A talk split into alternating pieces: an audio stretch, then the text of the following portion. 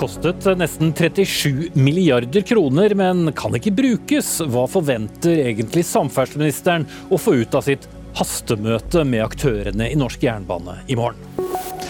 At Norge for første gang hadde et høyere bruttonasjonalprodukt enn Sverige, er et sykdomstegn, ifølge Innovasjon Norge. Vil du heller være fattig, spør Dagens Næringsliv. Nyttårshilsenen fra sjefen for Det internasjonale pengefondet om kommende økonomisk tilbakegang i Europa trenger ikke å være så ille for Norge, sier økonom. Og Arbeiderpartiordfører brukte privat helseaktør for å løse fastlegekrisen, men får pekefinger fra egen helseminister. Hva skulle han i stedet ha gjort?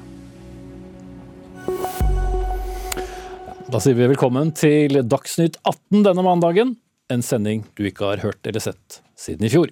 Jeg heter Espen Aas, og det å si godt nyttår ville vel klinge dårlig når vi skal by oss over i eh, kveldens første sak, for det er foreløpig ikke noe lys i den mørke tunnelen for de tusener av pendlere som stadig ikke får noen glede av den 36,8 milliarder kroner dyre nye Follobanen som altså ikke klarer full kapasitet likevel, altså seks avganger i timen hver vei.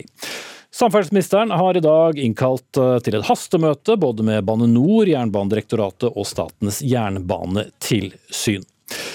Men eh, Stine Undrum, du er da konserndirektør for utbygging i eh, Bane NOR med oss på linje.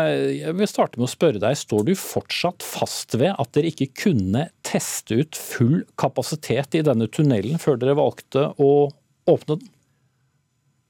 Vi har testa ved å kjøre over 200 togsett gjennom tunnelen. Eh, og basert på en eh, samla risikovurdering så mente vi at det var tilstrekkelig eh, for å være sikre på at, at trafikken kunne gå. Hvordan syns du det gikk? Nei, Det kan vi jo se resultatet av. Det var jo ikke så veldig bra.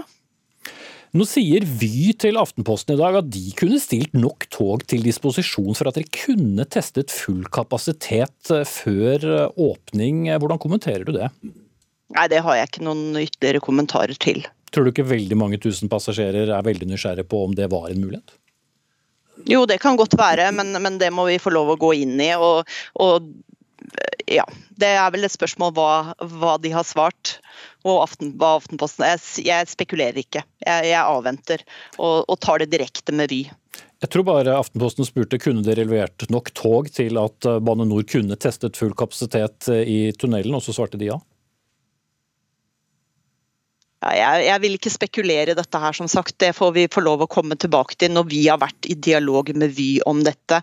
Men eh, vårt hovedfokus akkurat nå det er å få satt trafikk på eh, Follobanen igjen og sørge for at uh, de tusenvis av togpassasjerer som har lengta etter at Follobanen og Blikstunnelen skulle åpne, de får det togtilbudet de fortjener. Mm. De som venter på noe godt, de venter åpenbart for lenge. Hva kan du egentlig si til samferdselsministeren i morgen som ikke du allerede har kommunisert ut i mediene i dag? Det tror jeg vi skal få lov også å ta med ministeren først.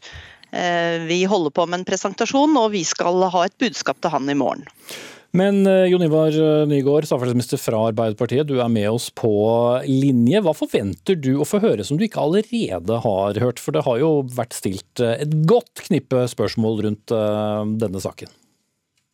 Jeg forventer først og fremst å få høre hva som skal til for å få togtilbudet på Follobanen opp og gå igjen. Eh, men jeg forventer også å få noen betraktninger om eh, hva som har gått feil. Eh, for dette er jo en veldig beklagelig situasjon for alle togpassasjerene. Vi har en infrastruktur som står klar til 37 milliarder kroner, og som per nå da ikke kan utnyttes. Og sånn kan vi jo ikke ha det. Hvem er det som har ansvaret? Du har for så vidt det politiske ansvaret, da vi trenger ikke å, poengtere det flere ganger. Men, eh, men, når det gjelder det operasjonelle, hvem mener du sitter med ansvaret?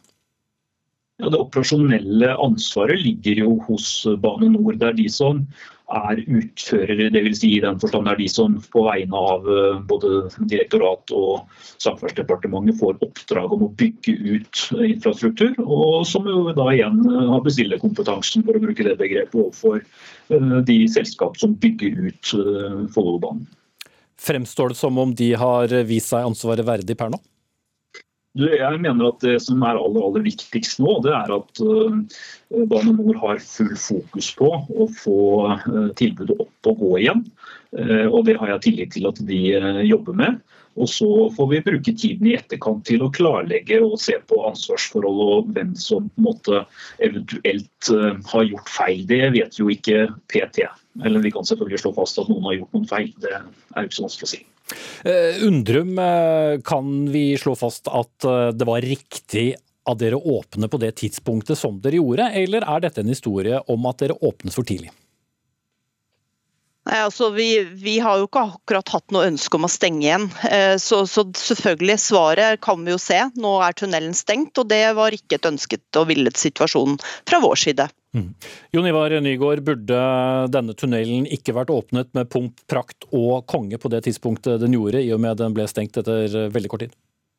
For meg så blir jo det mest spekulasjoner, fordi jeg kjenner jo ikke godt nok til eh, årsaker til å gjøre en vurdering av det. Men det er jo den type spørsmål som det er viktig å få svar på. Nå eh, er jo det i det store bildet snakk om da 11 minutter lenger eh, reisetid da fra 1.2 enn det de skulle ha gjort. Hvor stor krise er det?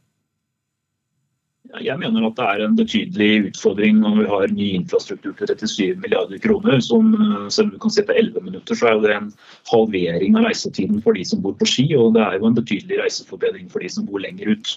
Vi kan ikke ha det sånn at eh, denne nye infrastrukturen ikke kommer eh, fellesskapet, togpassasjerene, til nytte. Eh, det kan vi jo ikke leve med over tid. Mm.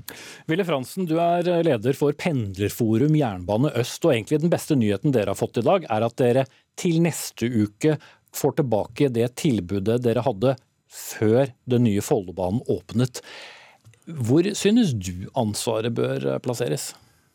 Nå øh, roper vi ikke hurra, for øh, nå representerer jeg også Mjøsen pendlerforening, som er nordover, øh, med Jan Riddervold. Og vi har også pendlerforeningen på østre linje med Ronny Aukrust. Hvor vi da tar avstand fra den ansvarsforskrivelsen som vi ser utvikler seg nå. Ja, hva, hva, ville du da ha hørt? Du får ikke puttet så mange tog inn den tunnelen som man vil uansett? Nei, men, men, eh, når man åpner linjer og man lager jernbane og infrastruktur, så skal man jo forsyne meg sørge for at det ikke bare er togene som går, men passasjerene skal kunne komme fram eh, til, til rett tid. Og, og, uansett, når det ikke går noe tog, så kommer jo ingen veier. Men, men eh, vi, vi, mener jo at hovedoppgaven for, for de styre, styresmaktene og Bane Nor her, det er jo å skaffe et tilbud til eh, togpendlere som da bruker et bærekraftig og miljøriktig transportmiddel eh, fram og tilbake mellom jobb og, og, og, og hjem og barnehage. Det, det, er jo det som er hensikten. Å få menneskene fram og tilbake. Hvis du ikke klarer å få togene, så får du heller ikke menneskene. Nei, og Nå er det da buss for tog for tog som skulle vært i tunnel, som har vært løsningen for mange. Hvordan vil du beskrive stemningen blant eh, de som pendler? Det er noe rart som skjer her. fordi eh, På Østfold så er det Vy som, som, som kjører. Og de sier vi har, ikke, vi har ikke råd til å ha busser stående standby for, for, for, å hjelpe eh, pendlere for å komme tidsnok på, på jobben, og ikke hjem heller. Si meg en ting. Hva, hva, hva, er det beredskapen går på? Er det, er det på oss pendlere, det, eh, eller, eller, er det togene man snakker om? Eller tunnelen? Det å brenne 38 milliarder kroner og ikke få noe igjen for det greiene her, i, i, den grad som vi ser nå, det er en skandale. Og jeg mener at noen må reise seg opp og si dette tar jeg ansvaret for, slik at vi vet at det her kan bli gjort noe med. Men det er jo ikke en sjef som reiser seg opp og sier noe at de har ansvaret heller. Mm. De skal tenke på det, forsøke å klarlegge det. De skal, de skal eh, ha møter hvor de sier ja, eh, hva skal vi gjøre nå? Mm. Ja, Vil du svare ut den, uh, Nygaard? Ja, jeg har vært tydelig på i dag at det politiske ansvaret det ligger hos eh, meg som samferdselsminister. Så Det er det ingen tvil om. Men eh, jeg har jo ingen andre verktøy i kassa enn Bane NOR, som er våre utførende eh, ledd her. Så jeg har jo selvfølgelig mitt fokus på at Bane NOR må levere på det som forventes av dem, nemlig at eh, denne infrastrukturen skal ordnes på, slik at den kan tas i bruk så raskt som overhodet mulig. Mm. Eller faktisk 1.2, da. Og Stine Undrum, kan du garantere at tilbudet er oppe og går igjen da? Jeg kan ikke gi noen garantier i forhold til 1.2, hvis det er det du er ute etter. Men det jeg kan si er at vi eh, jobber på høygir. Vi har jobba nå hele jula, vi har jobba hele nyttårshelga eh, for å sørge for at vi finner disse årsakene til at, eh, at vi fikk varmgang og røykutvikling og at vi måtte stenge trafikken. Og så vil vi da så fort som råd er sette på, gjøre en, en forsvarlig testperiode, sette på togtrafikk og sørge for at pendlerne igjen får tilbake det tilbudet som de så vidt fikk smaken på før vi måtte stenge før jul. Andreas Slettholm, kommentator i Aftenposten. Eh, dette er jo et prosjekt som har pågått i mange år. Mange regjeringer, mange utredninger, og nå står vi her. Er det mulig egentlig å peke på noen syndebukk? Altså sånn, Politisk så, så, er jo dette et prosjekt som har hatt uh, sterk støtte. Det er ikke noe som har vært noe kontrovers rundt at man skal bygge. Det har vært mye uh, konflikt underveis rundt hvordan og sånn. Men, men at dette er, liksom, ligger i Bane, Bane Nors ansvarsområde, og også på det Det er noe med at detaljene her er så, det er så langt ned i detaljene. Det er et varmgang i returstrømanlegget. Så lenge man ikke har noe ferten av noe politisk inngripen eller uh, politisk passivitet eller noe sånt på, på, et eller annet tidspunkt i denne prosessen, så er det vanskelig å se noe annet enn at her er det her er det, det som ligger under Bane NOR som, som har sviktet. Mm. Og dette togåret som da skulle gå av med et smell, fikk altså en bråbrems av dimensjoner? Ja, Det er noe med den symbolske betydningen her også. ikke sant? Det er jo eh, nå snart 15 år siden eh, man liksom ble enige om politisk om å eh, satse på, skikkelig på jernbane i østlandsområdet. Og denne Follobanen er jo den fremste investeringen framfor noe. Eh, og så får den den starten den blir, det i et år som har vært veldig krevende for mange pendlere. Den symbolske um, verdien av det, da, eller uh, hva man skal kalle det, det kan nesten ikke overvurderes. Og så tror jeg på sikt så vil uh, altså Hvor stor skandale dette er, vil avhenge av hvor lang, tid det går før man får trafikk igjen. Hvis dette varer utover uh, at det blir vår før man får trafikk på Follobanen, det, jeg, sånn jeg forstår situasjonen, så er det jo ingen som kan utelukke det så lenge man ikke finner egentlig ut hva som er feil. da vil det jo være en, kanskje den største skandalen i norsk samferdselshistorie. Men hvis man får dette opp å gå igjen i, i 1.2, så er det klart at det er en veldig uheldig start. Men hvis det deretter går på skinner, så, så blir jo folk fornøyd. Men kan alle som har sittet med ansvar, fortsatt bli sittende? Altså det er liksom, Alle er veldig opprørt, men alle famler jo samtidig helt i blinde. ikke sant? Dette kan jo skyldes en eller annen teknisk svikt i en komponent fra en underleverandør til en underleverandør som eh, av en eller annen grunn ikke er eh, oppdaget på noe, noe sted i prosessen. Så det er liksom veldig prematurt tenker jeg, å sitte og si at her var det noen som sviktet. Man kan selvfølgelig kreve noens avgang bare fordi skandalen er så stor. Da er det i så fall Nygård som, eh, som det bør rettes mot per nå. Men jeg ser ikke på det som så veldig hensiktsmessig. Mm. Fransen, hvor eh, stor er tilgivelsen blant uh, togpendlerne? Tilgivelsen er, uh, helt greit, så lenge det går greit. Men jeg, jeg, jeg tenker på dette her med å ta ansvar. Altså, Vi må ta ansvaret for at vi henter barna våre for sent i barnehagen. Vi må, vi må ta ansvar for å komme for sent på jobben. Eh, vi må ta ansvar for en rekke ting som medfører både økonomiske og sosiale konsekvenser for oss. Her har regjeringene sørget for 100% barnehagedekning, men klarer pokker ikke å få folk til, til, å hente disse barna. Og ingen tør å si at de ikke, tør, at de ikke får tid til å hente dem. Da kommer jaggu barnevernet òg. Så i utgangspunktet her er det Bane NOR som helt klart har gjort en røtten jobb. Og Bane NOR bør stille opp og si vi har ansvaret, vi tar ansvaret, og uten å si vi skal klarlegge mer. Du har hatt Jeg var der mens Kleppa satte, satte spaden i, i, i, jorda. Det er mange år siden. Og nå når de klipper uh, jordledningen, for jeg skulle si sånn, når de klipper, så, så er det ikke bra i det hele tatt. Og vi står fremdeles like like lite uh, forutsigbar hver dag. Det går ikke an. Stine Undrum til slutt? Ja, jeg kan ikke si annet enn beklager. Altså, det, er jo ikke, Vi er ikke fornøyd med situasjonen. og det er klart at Vi jobber det vi kan eh, for å finne ut av eh, hvilke årsaker det har at at, at vi ikke kan bruke tunnelen. Så vi er de første til å erkjenne at dette er bare ikke godt nok. Vi, vi må sørge for at togene går, og det er vår jobb. Mer enn det kan jeg ikke si.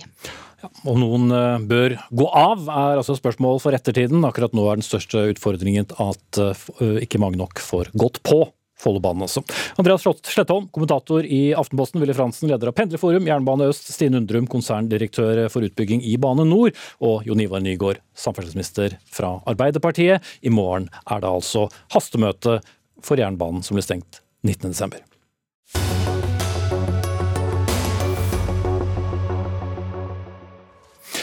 Det viktigste er jo ikke å vinne, men å slå svenskene, er det blitt sagt, med et lite glimt i øynene. Men da Norge for første gang i historien hadde et større bruttonasjonalprodukt enn svenskene i tredje kvartal i fjor, så var det veldig lite feststemning hos Innovasjon Norge, som mente vi ikke burde ha vunnet akkurat den konkurransen.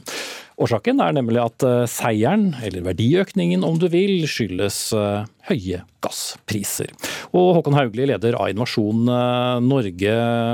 Det er vel uansett bra at Norge har så høye inntekter, men du kaller det faktisk et sykdomstegn i VG før jul? Ja, nei, Det er kjempebra at eh, Norge har så høyt bruttonasjonalprodukt. Um, det disse tallene viser, er også at vi er veldig avhengig av noen få store næringer og prisene på de varene vi selger. Og Dermed er det en risiko ved det. Når prisene går ned, så er vi sårbare. Så det jeg har sagt i det intervjuet er noe jeg trodde var helt åpenbart og helt ukontroversielt, og det er at Norge trenger et mer mangfoldig næringsliv. Vi trenger flere bein å stå på. Og så er min meddebattant, da, som sikkert straks kommer til, eh, ment at det er det slett ikke. Og derfor er vi her i dag. Ja, Det var ikke så mye målstemthet hos dere i Dagens Næringsliv på lederplass i romjulen, kommentator Bård eh, Bjerkholt, og viser til da, de enorme summene som vi har plassert i, i oljefondet. Men det hadde vel vært bra om vi hadde flere ben å stå på? Jo, eh, og jeg er helt enig i at eh, det ikke var grunn til å feire i den forstand at denne krigen og disse prisene skulle vi gjerne vært foruten, og hele den energikrisen. Men, men jeg syns at den, den, debatten om at det er så forferdelig at vi har så mye olje, eh, og så store oljeinntekter, er litt misforstått.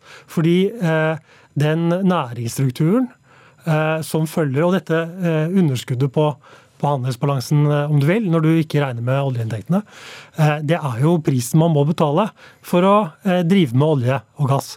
Og det er ikke sånn at, som, som Innovasjon Norge mener jeg går, går langt i å, å påstå, at du kan ha Sveriges næringsstruktur f.eks., samtidig som du har disse store valutainntektene. Det går ikke. Og, og, det var jo en grunn til at jeg skrev den lederen også. Selvfølgelig litt gøy at vi, vi går forbi svenskene og, og, alt dette her, men, men, det er mer for å, for å eh, påpeke at det som ofte hevdes i denne debatten, det eh, er rett og slett ikke realistisk å tro. Du er litt lei av den analysen hvis jeg leste den lederen, lederen riktig? Ja, eh, og, og, og, det er jo veldig mange politikere, det er ikke bare i Norge. I Norge har regjeringen satt seg etter mål om å øke eksportinntekten med 50% fra fastlands økonomien. Eh, eh, og i USA så hadde jo Donald Trump, som var fanatisk, han var besatt av handelsbalansen, og skulle ha eh, eksporten opp og importen ned for å få ned dette underskuddet. Og så gikk han jo til krig mot det ene landet etter det andre, altså handelskrig. Og så fant han jo ut at dette underskuddet dikteres ikke av handelsbetingelsene eller toll eller sånne ting. Det er bare et faktum at amerikanerne bruker mer enn de produserer. Og eh, Sånn er det for Norge også. Vi har oljeinntekter, bruker litt mer enn det vi produserer, og får dermed et underskudd på fastlandsøkonomien. Så Sånn er det bare, Hauglie? Ja, nei, sånn er det ikke. Jeg er veldig overrasket over dette. Det, så når DN skriver at uh, industri er bra, men penger er bedre, altså underforstått at et uh, livskraftig næringsliv er mindre viktig enn å ha penger på bok, så er jeg grunnleggende uenig i det. Det er helt åpenbart oljenæringen har vært fantastisk for Norge. Oljefondet er fantastisk, men det vi skal leve av etter oljen, kan ikke være oljefondet. Det må være noe mer. Og Derfor har vi en stor og veldig viktig jobb foran oss med å få fram flere gode gründere, flere vekstkraftige bedrifter og få innovasjon inn i etablert næringsliv. Og Det er der sammenlignet med Sverige kommer inn, og der har jeg tillatt meg å påpeke at vi har noe å lære av våre naboer i Sverige, som ikke går på bekostning av det vi lever av i dag, men som kommer i tillegg. De gjør det bedre på innovasjon enn det vi gjør. De lykkes bedre med entreprenørskap, få frem gode gründere, og de har et mer sammensatt, variert næringsliv. Med blant Fordi de må, da? Fordi de ikke Ja, har en sånn du- sovepute, det hvis vi skal kalle det oljefondet? Ja, og Det som er veldig skummelt da med dagens næringslivs holdning, er at den soveputen har, har de skriver jo nærmest at vi skal omfavne. Det er nok. Det er en de bruker til og med ordet 'trøste oss med' soveputen. og Det mener jeg er en veldig gal analyse. Og vi som samfunn, hvis vi skal følge den oppskriften, så blir det veldig lite for en avis som heter Dagens Næringsliv igjen å skrive om. Bjerkholt. Nei, altså, eh, det, Vi trøster oss ikke med dette. Det var, vi mente at Innovasjon Norge kanskje kunne trøste seg med disse pengene, siden de, de lengtet sånn etter Sverige og svensk industri. Eh, Jeg er helt enig i at eh, det er en utfordring, og det er en eh, helt bredt anerkjent problemstilling i Norge, at, at eh, det kan bli et problem for hva vi skal leve av når, eh, når dagen kommer, da vi ikke lenger kan leve av olje. Men eh, sånn som hvis du tar denne eksporten som nå, som Innovasjon Norge gjerne vil ha opp, og regjeringen gjerne vil ha opp, så er jo ikke det altså, Det er ikke noe godt mål på hvor produktive vi er i fremtiden. Så hvis vi skal eh, forberede oss på den dagen, så gjelder det selvfølgelig å investere i utdanning, investere i kunnskap, ha gode rammebetingelser for eh, nyskaping, noe vi i Dagens Næringsliv er veldig opptatt av. Eh, og her er det jo masse å gå på for en regjering som nå de siste åra har lagd en masse trøbbel for næringslivet, eh, i form av eh, lite gjennomtenkte skatter, eh, bl.a. Mm. Ja, nå er ikke de for å svare på akkurat den biten, men Hauglie, er det én ting norsk oljeindustri har skapt, så er det vel utrolig mye innovasjon og en hel underskog av bedrifter som har gjort oss verdensledende på dypvannsteknologi og, og annet. Så Absolutt. litt har vi jo igjen for dette. Definitivt. Altså, I tillegg til de verdiene i oljefondet, så har vi jo verdensledende kunnskap og teknologi, som ikke minst er veldig viktig da, når vi skal utvikle det som vi åpenbart er enige om viktigheten av, nytt næringsliv. Det vil stå på skuldrene av det næringslivet vi har i dag. og Det er ikke noe tvil om at olje- og gassnæringen gir oss et fantastisk fundament for å gjøre, gjøre den jobben som samfunn, og at etterspørselen også er til stede ute i verden. Altså, vi jobber jo med mange hundre bedrifter hver eneste dag. Mange av dem har eksportambisjoner. Det vi ser er at verden nå etterspør løsninger som Norge har gode forutsetninger for å levere innenfor f.eks.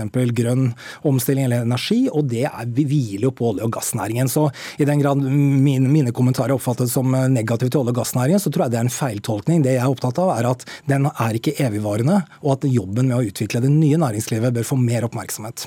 Jeg vet ikke, Berkholt, begynner dere å nærme hverandre en omfavnelse her nå? Nei, men Jeg er helt enig i at olje- og gassnæringen ikke er evigvarende. Men jeg er nok mer reservert enn det Innovasjon Norge er når det gjelder å stole på at politikere, eh, byråkrater eller de som jobber for, for eh, Innovasjon Norge i noe særlig grad kan peke ut nye retninger for landet. Jeg tror det må komme av seg selv og komme av, av nettopp det som det Innovasjon Norge snakker om. Eh, Dyktige gründere. Selv, man trenger jo tilrettelegging og rammevilkår osv. Ja, men eh, man trenger å ikke ødelegge eh, rammevilkår, men å ha langsiktige, stabile rammevilkår. Så, vil, eh, så er jo den historiske erfaringen at mange nye næringer og mange nye bedrifter vokser frem eh, av seg selv. Ja, men dette er jeg uenig i. Altså, vi, vi ser at dette ikke er riktig. Altså, næringslivet peker konsekvent på behov for gode rammebetingelser. Eh, Jeg er enig i at ikke vi skal peke på enkeltnæringer som fremtidens vinnernæringer, men behovet for gode rammebetingelser, og at det nye næringslivet, det vi skal leve og frem, bør få mer oppmerksomhet. Det fastholder jeg, og det er uheldig at Dagens Næringsliv ikke ser verdien av å ta den debatten. Hvorpå du sikkert ville vist til endeløse oppslag om gasellebedrifter. Men eh, vi setter strek der. Bård Bjerkholt, kommentator i Dagens Næringsliv, og Håkon Hauglie, leder av Innovasjon Norge.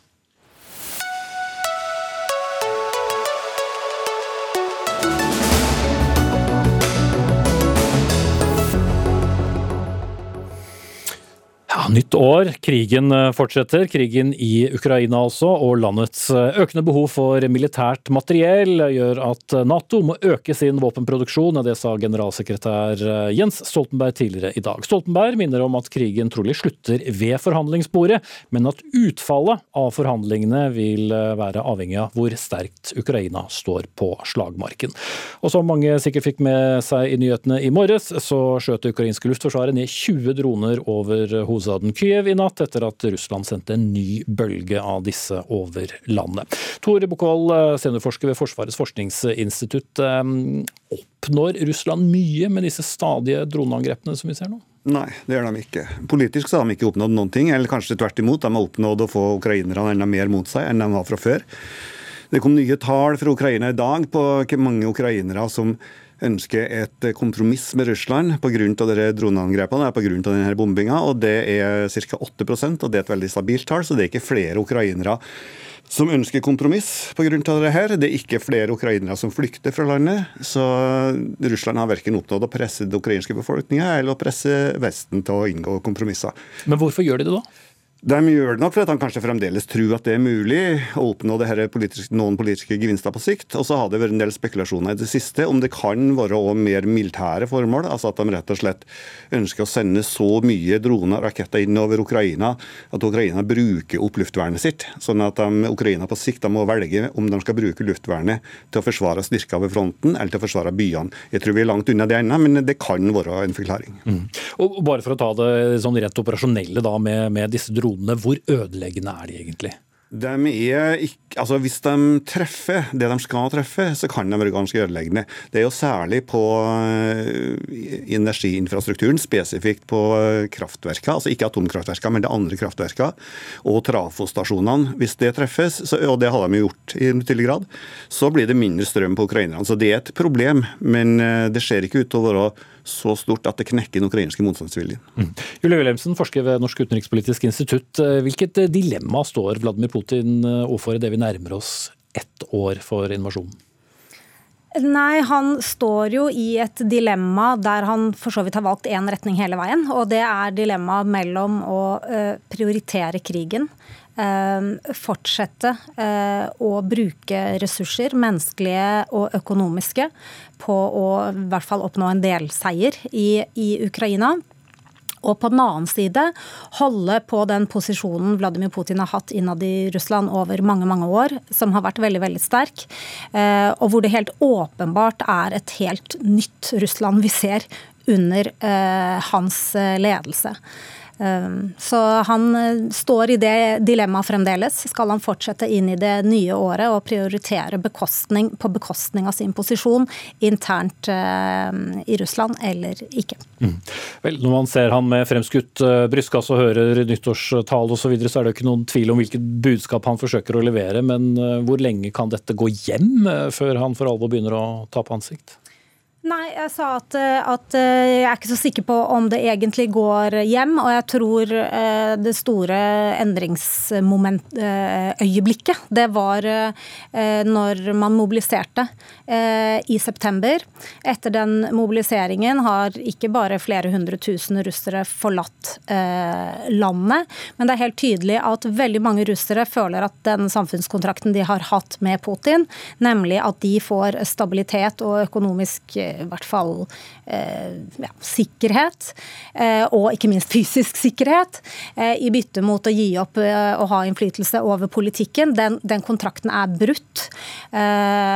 Og selv om det nok fremdeles er slik at folk, brorparten, ville si at de er for Putin, så er det flere og flere som syns at denne krigen er en, eh, en dårlig idé. I tillegg så har du helt åpenbart en elite rundt Putin der deler av eliten, det man kanskje kan kalle teknokrater, eh, og de som prioriterer den russiske økonomien, har blitt satt til side for det man stadig har valgt med haukene. Og det er jo ikke så mange av dem som har forlatt. Men samtidig så er det helt åpenbart at Putin har ikke en Eh, så stor autoritet hos disse, samtidig som man er avhengig av dem for fortsatt å drive eh, Russland i en vanskelig tid. Mm. Og hvor mye muskler kan de vise hvor lenge, Buko? De, eh, vi vet jo ikke sikkert da, selvfølgelig. Eh, denne mobiliseringa som Julie snakka om som var et brudd på samfunnskontrakten, til tross for alle problemene med mobiliseringa, så har det faktisk gjeldt de russiske styrkene. Så de er nå sterkere mannskapsmessig ved fronten enn de var før den mobiliseringa starta. Eh, faktisk så er det nesten noe sånn at det problemet begynner å bli mer ammunisjon og våpen enn det er folk. Selv om det folka de har der ikke er trent nok til å kjempe veldig effektivt. Men eh, det er et stort spørsmål òg eh, på, altså på eh, produksjon og på industri, rett og slett. Vil den russiske våpenindustrien klare å produsere nok til at Putin kan holde på med det her over tid? Jeg tror nok Putin sjøl, ut fra det rapportene han får fra sine underordnede, tenker at Russland er i stand til å gjøre det her både mannskapsmessig og industrielt. Men jeg er også skeptisk, sånn som Julie er, til om det faktisk er mulig. Og det er vel kanskje derfor også Stoltenberg sier det han sier i dag, at uh, her må Nato levere? Ja, det er, altså Hvis Ukraina ikke får hjelp fra Nato eller fra vestlige land, så går det dårlig for Ukraina. Det, det sier seg selv. Men hvis hjelpa fortsetter, så vil det her bli så dyrt for Russland etter hvert at det er ganske tvilsomt om de kan fortsette i det uendelige. Og selv om vi så Putin på besøk i Belarus uh, før jul, så er det ikke så mange venner han kan uh, lene seg på? Nei, det er klart eh, Belarus er jo på en måte et eh, spesielt eksempel. fordi at etter at Lukasjenko selv sto overfor kraftige demonstrasjoner, eh, og Russland på en måte kunne steppe inn som Lukasjenkos støttespiller i det, så har jo Hviterussland blitt mye mer avhengig av, av Russland. og og må på en måte si ja f.eks. til utplassering av nye rakettsystemer nå rett før jul. Eh, men hvis man ser litt eh, videre rundt omkring, så er det klart at eh, noen land er, har Russland, hva skal jeg si, Putins Russland virkelig tapt. Det gjelder ikke bare Ukraina, det gjelder også Georgia f.eks. Mens andre land som har vært egentlig veldig lojale allierte, også vi har sett de har begynt å eh, vise tegn til at de gjerne vil eh, bryte litt løs fra Russland, f.eks. et land som eh, Kasakhstan. Og også når det gjelder de andre store stormaktene som Russland er vant til å på en måte Eh, støtte seg på og tale sammen med, så har vi jo sett at land som Kina eller eh, India har markert at eh, de ikke mener at denne krigen er i deres interesse. Samtidig så skal vi ikke Jeg ser det er mange som legger veldig stor vekt på det, men det er også et Eh, enda større spill her, som handler om Kina og India f.eks. For i forhold til USA. Og der er det nok eh, også, hvis denne krigen ikke skulle eh, hva skal jeg si, koste andre altfor mye, så vil nok det at Kina og til dels India og Russland definerer seg sammen mot eh, USA, være noe som holder dem sammen da, også i tiden fremover. Ok, Takk skal du ha. Julie Wilhelmsen, forsker ved NUPI, og Tor Bukkvold, seniorforsker forsker ved Forsvarets forskningsinstitutt.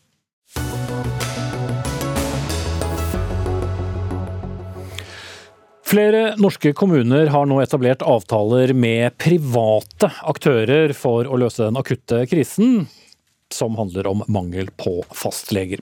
Og den Arbeiderparti-styrte kommunen Klepp i Rogaland får kritikk fra egen helseminister for å ha inngått avtale med aktørene med navn Doktor Drop-in. Dette er ikke en utvikling vi ønsker oss, tvert imot er nettopp dette vi ønsker å unngå, sa helse- og omsorgsminister Ingvild Kjerkol til eh, nrk.no i går. Sigmund Rolfsen, du er da ordfører i Klepp fra Arbeiderpartiet. Har du dårlig samvittighet for å ha valgt denne løsningen?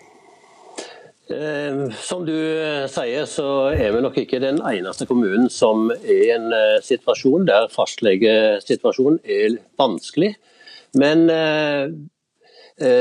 poenget med, dette er at vi må finne løsninger som er innenfor de lovkravene som kommunen er satt til å følge. Vi vokser mye. Vi har tatt imot ca. 150 flyktninger. Og eh, som jeg nevnte, disse lovkravene de må vi oppfylle. Men eh, jeg kan òg eh, berolige helseministeren med at vi har samme holdningen til dette. Dette er ikke en ønska situasjon for, Klepp kommune. Mm, men du har ikke noe valg, det er det som er poenget? Sånn som situasjonen er nå, så, så har vi ikke noe valg. Men òg det er viktig å ta med at denne avtalen ble inngått før statsbudsjettet ble lagt fram. Eh, så vi visste jo ingenting om eh, hva som ville ligge i statsbudsjettet når avtalen med, med denne aktøren ble inngått i fjor høst. Før jeg skal vende meg til Helsedepartementet, så er det kanskje mange av publikummerne som lurer på hva slags avtale er det egentlig dere har inngått med denne private aktøren? Det er veldig godt at du spør, fordi at eh, mange har nok et inntrykk av at dette er en avtale der hvem som helst kan droppe inn, for å si det på den måten. Men dette er kun for de som ikke har en eh, fastlegeavtale i Klepp kommune. Og det må være innbyggere i Klepp. Og jeg kan jo, for å sette det i det rette sammenhengen, informere om at vi har hatt 14 konsultasjoner hos Dr. Drop-In siden oktober i fjor, når denne avtalen ble inngått. Så Det sier litt om, om omfanget. Det, det er veldig viktig å ha med seg. Helse- og omsorgsministeren hun hadde ikke mulighet til å delta i Dagsnytt 18, hun, men Ole Henrik Kratt Bjørk Holt, du er statssekretær fra Arbeiderpartiet, så du er med oss. Er prinsippet såpass viktig at Klepp burde latt være? Nei, Jeg ønsker ikke å kritisere kommunen her. Kommunen gjør sitt beste for å skaffe innbyggerne allmennlegetjenester. Så at Klepp kommune har kommet til det punktet at de ble nødt til å inngå en sånn avtale, eh, det syns vi er veldig eh, leit. Men eh, vi ønsker ikke å kritisere kommunen for dette. Så andre kommuner som heller ikke klarer å fylle opp med fastleger, de kan også gå til private aktører? Nei. Vår jobb er å redde fastlegeordningen slik den er. Det er faglig sett mye bedre. Det er høyere overlevelse hvis du følges opp av én fast lege over tid. Så dette er en nødløsning. Eh, vi har satt av nesten en milliard kroner i statsbudsjettet for å eh, redde fastlegeordningen, så vi har begynt den jobben. Men når din statsråd sier dette er ikke en utvikling vi ønsker, tvert imot er det nettopp dette vi ønsker å unngå. Det er vanskelig å lese det som noe annet enn en kritikk.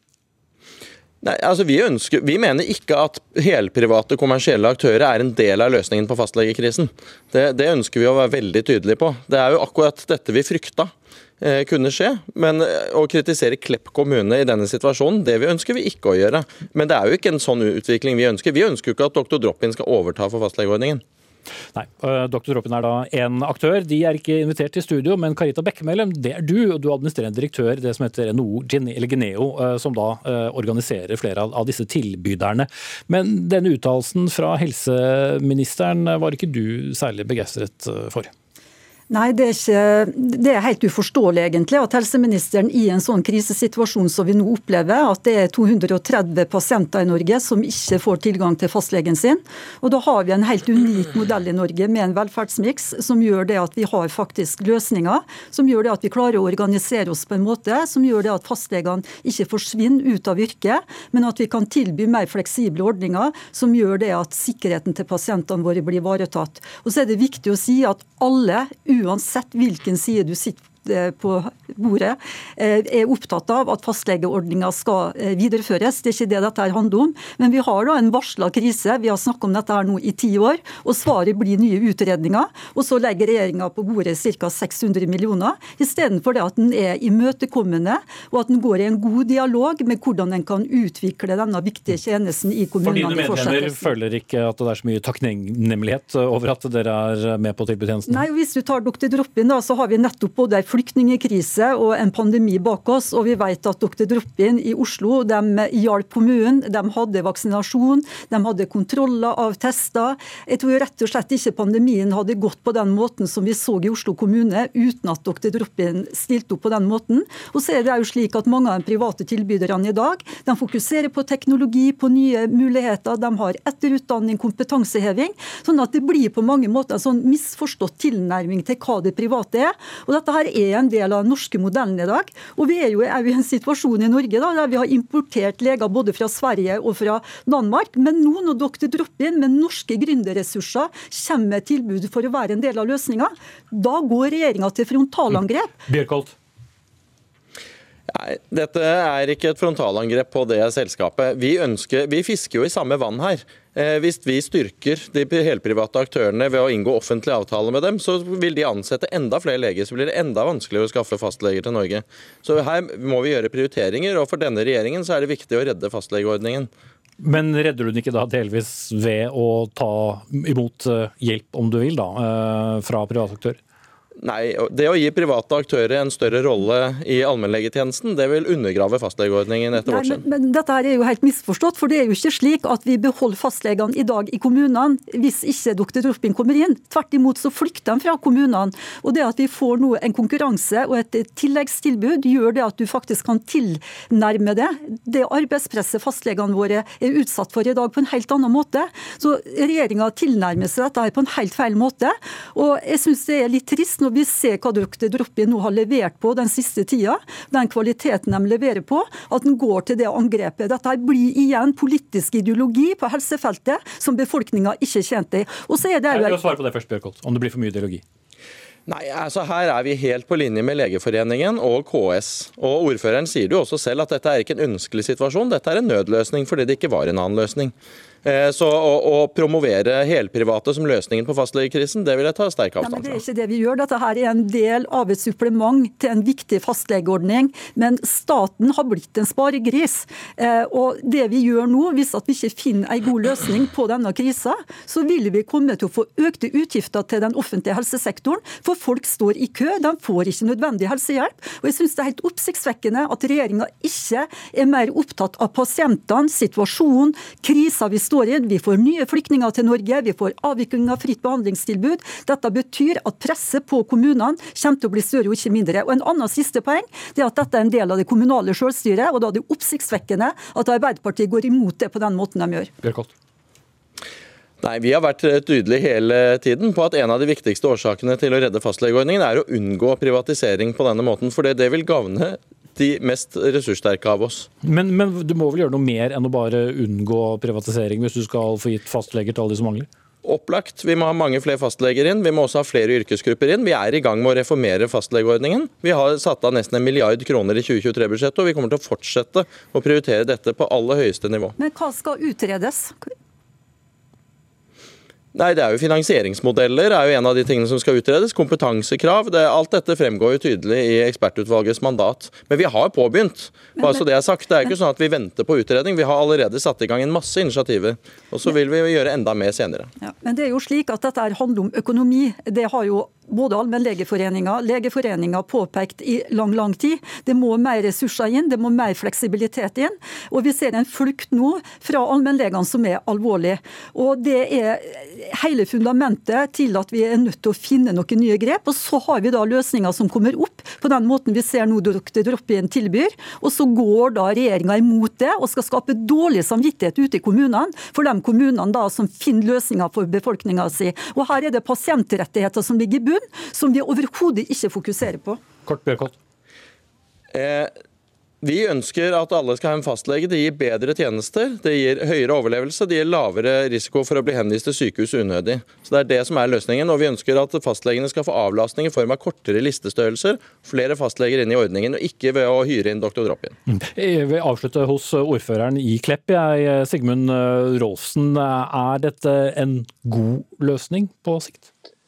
Nei, dette er ingen god løsning på sikt. og Jeg er enig med statssekretæren at eh, dette blir å undergrave eh, eh, dette med, med, det kommunale, kommunale legevaktstilbudet. Fordi at Nå har vi gått ut og søkt etter to leger, eller to hjemler, to ganger i løpet av høsten. og Eh, det er ikke respons på, på dette. og Da kan en begynne å lure på om legene ønsker andre løsninger, og, og gjerne gå til de private leverandørene. Mm. Så, så, dette er en undergraving av det kommunale fastlegetilbudet. Men mens da dette utredet, utredes igjen, eh, så er og blir den eneste løsningen du har som ordfører å fortsette å kjøpe private tjenester? Eh, nå skal vi gå ut på på ny eh, søkerunde etter leger. og jeg håper jo at det blir bedre respons på det. Vi har en avtale nå på ett år, og vi kommer til å vurdere den avtalen i løpet av året. Men som jeg sier, det er veldig liten, lite konsultasjoner som har vært så langt.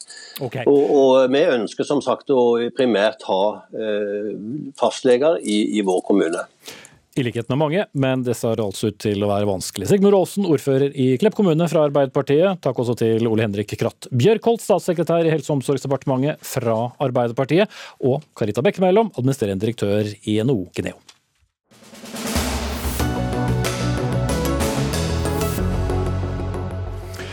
Også vi her i Norge kan bli rammet av resesjon, altså økonomisk tilbakegang i minst to kvartaler i tiden som kommer. Det var en noe dyster nyttårshilsen som kom fra sjefen for Det internasjonale pengefondet, IMF. Verdensøkonomien kommer til å bli verre i 2023, og hun tror halve EU og en tredel av verdensøkonomien kommer til å havne i nettopp resesjon neste år. Grunnen er at de tre største økonomiene, USA, EU og Kina, bremser alle tre samtidig. Men det trenger ikke å bli så dramatisk for oss, har du sagt, Kjersti Haugland, sjeføkonom i DNB Markets. Eh, hvorfor?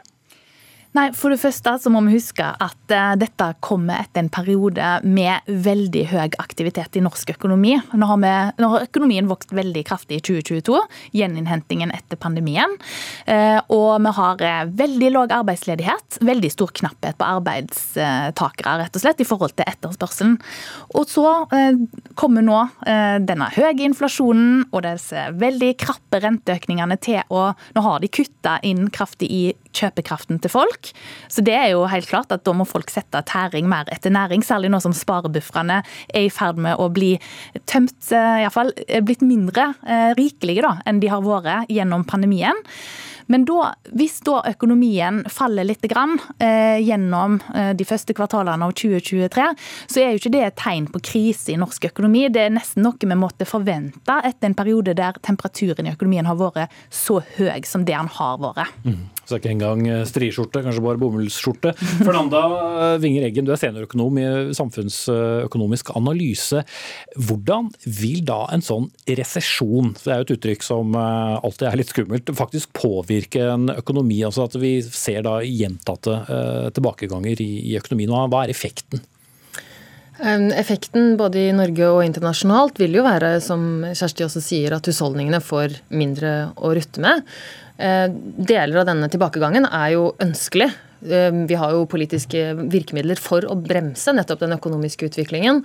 Og det skyldes jo særlig veldig høy prisvekst, både i Norge, men også internasjonalt. Og i hos våre handelspartnere så har jo prisveksten vært vesentlig sterkere enn i Norge også. Så selv om eh, norske husholdninger opplever eh, sterk vekst i både matvarer og energipriser særlig, så er det vesentlig høyere vekst hos de fleste handelspartnere, som gjør at de får enda mindre kjøpekraft enn det nordmenn har fått i løpet av det året som har vært. Mm. Så importerer jo vi også veldig mye av den samme prisstigningen. Likevel så er det vår da, sentralbank som setter opp renten på våre norske lån som vi skal bruke mindre. Men hjelper det egentlig så veldig mye på den prisstigningen? Uh, og, ja, jeg tenker at Renten er et veldig viktig virkemiddel både i Norge og internasjonalt når vi har å gjøre med så høy inflasjon. Den er høyere enn den har vært på ja, lenge, mer, mye mer enn 30 år siden den har vært så høy som nå. Uh, men renten har også en begrenset effekt fordi inflasjonen skyldes kostnadsvekst og ikke etterspørselsvekst.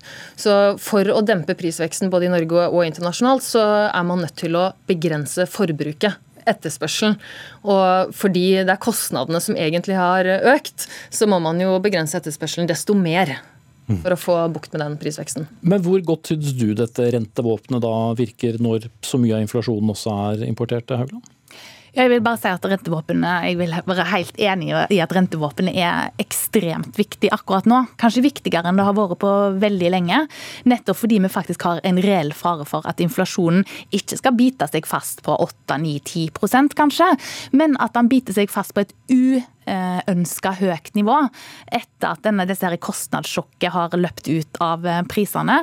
Eh, fordi nå ser vi at flaskehalsene internasjonalt begynner å dempe seg. Definitivt normaliserte priser og på transport osv.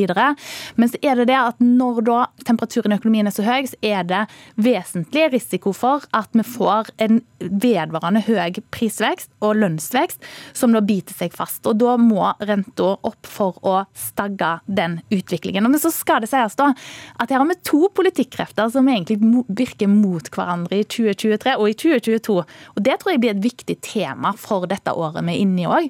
Fordi på den ene sida så deler myndighetene i Norge, men ikke minst òg i Europa, ut store summer til bedrifter, til husholdninger her i Norge, men i Europa er det jo òg til en god del bedrifter, ehm, for å nettopp dempe utslaget av dette energiprissjokket som kommer på toppen av et inflasjonsproblem eh, som var der allerede. Eh, og så må sentralbankene sette renta enda høyere da, pga.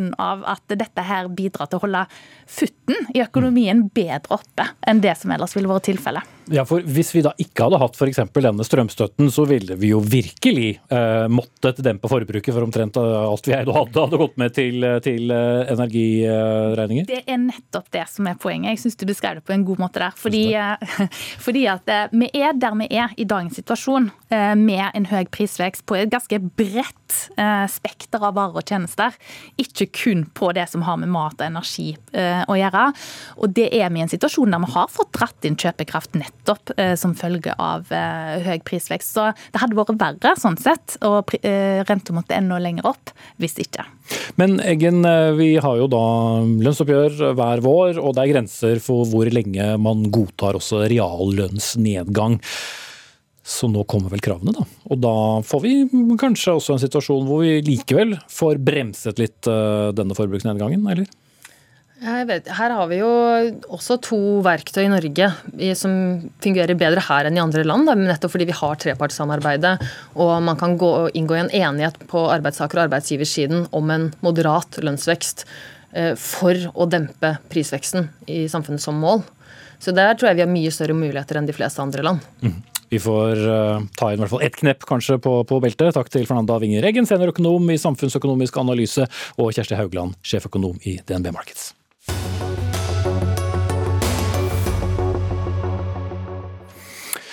En eh, tredel av unge under 30 ønsker å kutte kjøttforbruket sitt det neste året, det er ifølge en undersøkelse utført av Infact for avisen Nasjonen. Det ser da ut til at de unge er eh, litt mer positive til å redusere kjøttmengden enn eh, de litt eldre. Og Dette gleder vel deg, Gina Gylver, leder i Natur og Ungdom.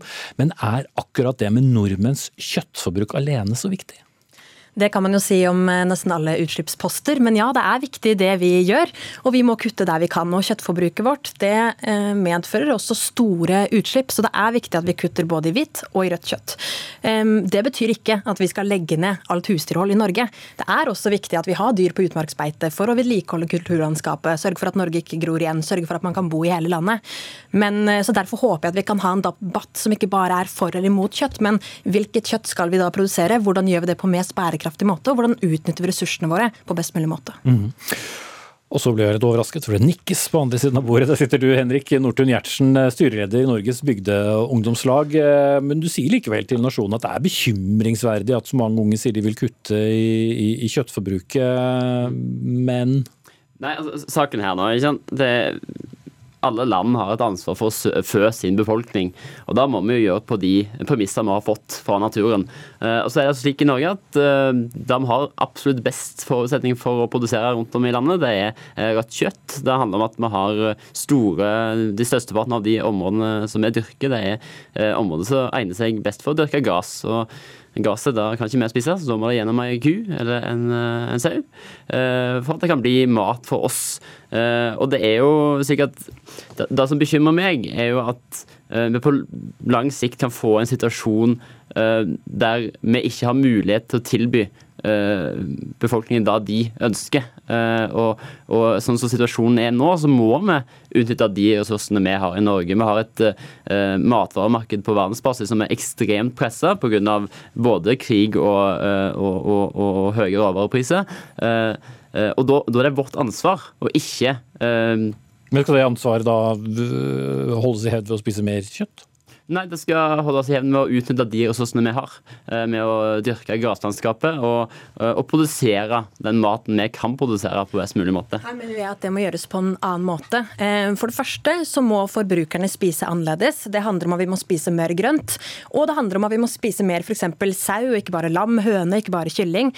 For å også bidra til å kutte i matsvinnet. Og så må politikerne gjøre at det blir mulig for bøndene å nettopp ha dyra sine på utmarksbeite og produsere i mindre kvanta. og ikke alltid ha så intensivt, eh, en så intensiv produksjon, for det er verken bra for, for, dyr eller natur. Og så er det også sånn at det er for lønnsomt å drive med kjøttproduksjon i forhold til grønnsaksproduksjon, så at vi nå bruker mange områder som kunne blitt brukt til å produsere frukt og grønt og korn, til å i stedet produsere kjøtt. Ja, Vi hørte om kjøttlagre i nyhetene i morges, eh, Gjertsen også, så litt eh, tilpasning bør vel kanskje ja, hva er bakgrunnen for akkurat, akkurat den opphopninga er jo sammensatt. Men, men, det jeg vil ta opp er jo at altså, det snakkes mye om at utmarksbeite er bra, og det er jeg helt enig i. Vi skal utnytte utmarksbeite, og vi skal utnytte det så godt vi kan.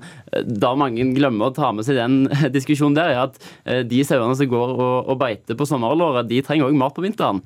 Og da må vi dyrke gass. Eh, da må vi dyrke gass på, på, inne, på Eh, på dyrka marka vår for at eh, vi skal utnytte de 45 av eh, Norges landareal som kan brukes til beite. Da må vi faktisk bruke ganske mye av den dyrka marka vår til gress òg. Men du er sånn ikke imot det, Gulvi? Nei, det er jeg ikke. og Det er jo derfor det er synd at måtte, kjøttdebatten ofte, ofte, blir så polarisert. At det handler om måtte, byfolk imot distriktene, at det blir en identitetssak. og Det er jeg veldig opptatt av at det ikke er. Og igjen, Natur og Ungdom sender masse ungdommer ut på gård hver eneste sommer for å være på beitetilsyn for å lære om matproduksjon. og Det er, en, det er kjempeviktig, kommer til å være det i alle år som kommer også. Men akkurat nå så har vi ikke en matproduksjon eller et forbruk som forholder seg til naturens tåleevne. Og Det er forbrukernes ansvar, men det er også politikernes ansvar. Som sagt, at Da må man ha andre støtteordninger som insentiverer et bedre landbruk. Ehm, og man må også slutte å bygge ned så mye matjord. Det er også noe man gjør i rasende fart for å bygge gigantiske motorveier eller andre, andre store industriprosjekter. Mm. Litt annen debatt. Ja, ja, nei, altså jeg synes ikke vi skal, altså vi skal, vi skal forholde oss til naturen, men vi, skal også, vi må òg utnytte de naturen, naturens premisser. ikke sant? Vi må uh, dyrke maten vår etter de forutsetningene vi har. og da er faktisk det er slik i Norge, da, da er rødt kjøtt en av de aller viktigste tingene vi kan uh, produsere for vår befolkning. Vi skal ikke skamme oss over å spise rødt kjøtt. det er bærekraftig næring, vil jeg si, som sikrer bosetting i hele landet. Vi fører til sosial bærekraft, annet. Altså, det er jo i, i essensen av bærekraftsmålet til FN handler jo om å fø egen befolkning. Og stikker mot sult. ikke sant? Essensen er jo også å klare å kutte utslipp, og det gjør vi, gjør vi ikke raskt nok. Og Vi må også kutte utslippene knyttet til matproduksjon. Og jeg er enig, som sagt, jeg må utnytte ressursene, men da kan vi ikke fortsette å øke kjøttforbruket. Vi må kutte, vi må endre vanene våre. Mm. Men, men, noe som står i den samme artikkelen i Nasjonen som jeg leste i morges, Gjersen, er jo også at de importerer jo også en god del uh, dyrefôr. Så helt uh, egne ressurser og norsk grønt gras er det vel ikke bare? Nei, altså det, det importeres noe dyrefôr. Uh, den storparten av uh, kjøtt baserer seg på norske ressurser. Eh, godt over 80 eh, på de fleste. Og, og på, på sau er det opp mot 96 eh, norsk. Eh, men, men, helt eh, til slutt så vil jeg bare nevne at altså, det er jo faktisk sånn at landbruket er den eneste næringen som har en klimaavtale med staten, og faktisk har forplikta seg til å kutte utslipp uten å ta ned produksjon. Så forbrukeren kan egentlig være helt trygg på at dette kommer til å gå greit. Ok, saken er biff kjøttkake eller ertestuing, for å hente et kjempegammelt eh, sitat. Gina Gjølver, leder i Natur og Ungdom, og Henrik Northun Gjertsen, styreleder i Norges bygdeungdomslag. Årets første sending er ved veis ende. Jeg heter Espen Aas, ansvarlig for sendingen. Gro Arneberg, teknisk ansvarlig. Hilde Tosterud. Vi ses og høres i morgen.